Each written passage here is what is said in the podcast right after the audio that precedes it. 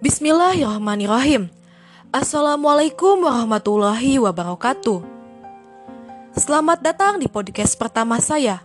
Saya Elda Dwi Pratiwi, mahasiswi Pendidikan Kewarganegaraan Universitas Pendidikan Indonesia. Pada kesempatan kali ini, saya akan membahas mengenai sumber-sumber hukum Islam. Sumber hukum Islam yang utama ada dua, yakni Al-Quran dan As-Sunnah. Yang pertama, Al-Quran. Secara etimologis, Al-Quran berasal dari bahasa Arab yang berarti bacaan.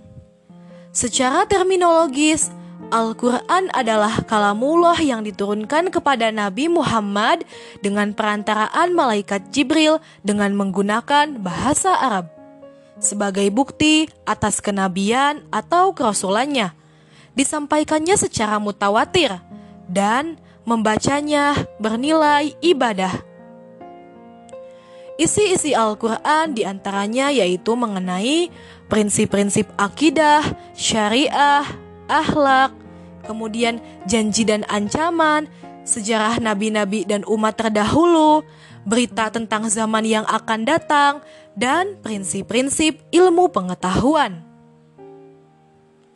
Fungsi Al-Quran di antaranya terdapat atau ditegaskan secara langsung dalam ayat yang terkandung dalam Al-Quran. Di antaranya dalam Quran Surat Yunus, surat ke-10 ayat 57, Fungsi Al-Quran yaitu sebagai mau ijah atau pemberi peringatan, sebagai syifa yang berarti pengobat, hudan yang berarti pemberi petunjuk atau pedoman, dan rahmat yang berarti karunia. Al-Quran sendiri mengandung substansi hukum, yakni terdapat 200 ayat tentang aspek legal atau hukum, yang di antaranya mengatur tentang keluarga dan waris, kewajiban dan kontrak, hukum pidana, dan hukum acara. Selanjutnya sumber hukum Islam yang kedua, yaitu as-sunnah. Secara terminologis, as-sunnah berarti segala sesuatu yang berasal atau dinukil dari Nabi Muhammad, baik berupa perkataan, perbuatan, maupun penetapan beliau.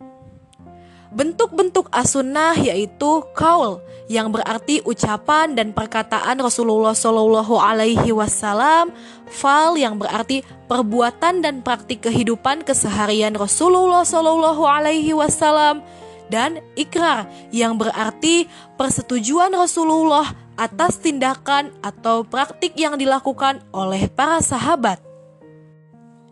Fungsi-fungsi as-sunnah di antaranya yaitu sebagai sumber hukum kedua atau disebut juga talqin, sebagai bayan atau penjelas, dan untuk menetapkan hukum baru atau tashri.